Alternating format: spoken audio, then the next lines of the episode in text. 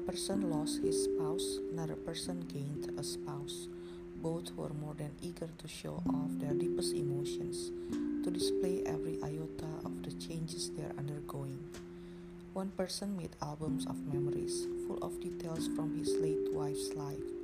Photos and quotes were collected and composed into one mega last dedication for the deceased. It might be his way of mourning, his coping mechanism when realization hit and the loss turned confusion into denial and then anger and lastly hopelessness. But it didn't stop with the video, it continued on with anyone who would like to pay their last tribute. One person did some illustrations, another composed a song, and another wrote a lengthy poem. The mourning husband put every single thing on his social media, expecting likes or probably mere reactions from his followers and anyone who knew him and his dead wife. Days turned into weeks and the parade just wouldn't stop.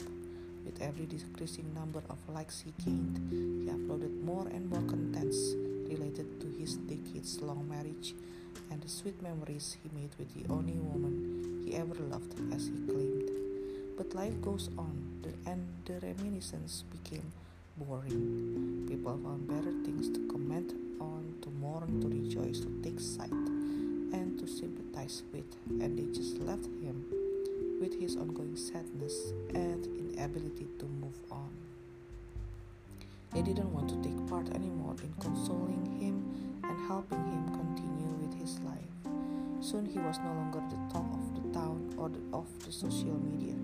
In his case, and it left him in further depression because he thought that no reactions from his followers were equal with no love and care conveyed in real life. Ain't that so far away from the truth?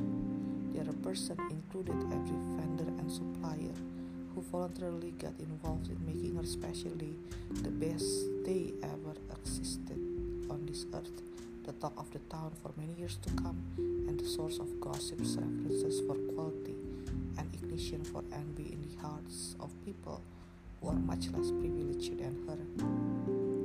Every single thing on her came with a name of name of a brand with a price tag and an address of the sponsors social media for further catalogs and negotiations.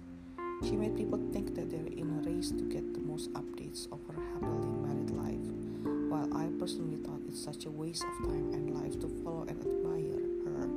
Her choice of spouse, her life, her wealth, and everything, which was never our concern to begin with. Sadly, the hunger and thirst of a fairy tale like life was put to good use to support her increasing role as the new brand ambassador for the countless brands lining up to get her in the same frame with her with their products. What a sickening way to gain attention, fame, whatever it was she was so desperate to have. Why couldn't he mourn in private? Why couldn't she celebrate in? Why couldn't he walk down his memory lanes in silence? in deep respect for the loving relationship he had with his wife, and only in the presence of the children they raised together. Why wouldn't he embrace his loss on his own? Why couldn't he bear not to be talked about when everybody else is also experiencing what he experienced? Birth growing up, marriage getting old, and death, aren't we all too familiar with those stages? Why couldn't she walk down the aisle only before the eyes of the truly cared about her and knew her best? Why couldn't she enjoy the warm and romantic moments in humility instead of making herself the walking billboard of all little things that everyone needs, from the pins in her hair to the nail paint on her toes? Why couldn't she hold back from revealing the rings, the dresses, and even the new lights she got for her new home? The parade seemed more and more pathetic because what was she looking for other than constant attention from her followers, the people who had wasted their time and life for something so temporary, fragile, futile, and useless? For sorrow and joy are for a time being, and we shouldn't dwell in it more than we should. Again, life goes on, time and people change, and what's so popular today is easily forgotten by tomorrow morning. So why crave to be the hottest topic when we know that the ball keeps rolling and people take turn to be on the stage?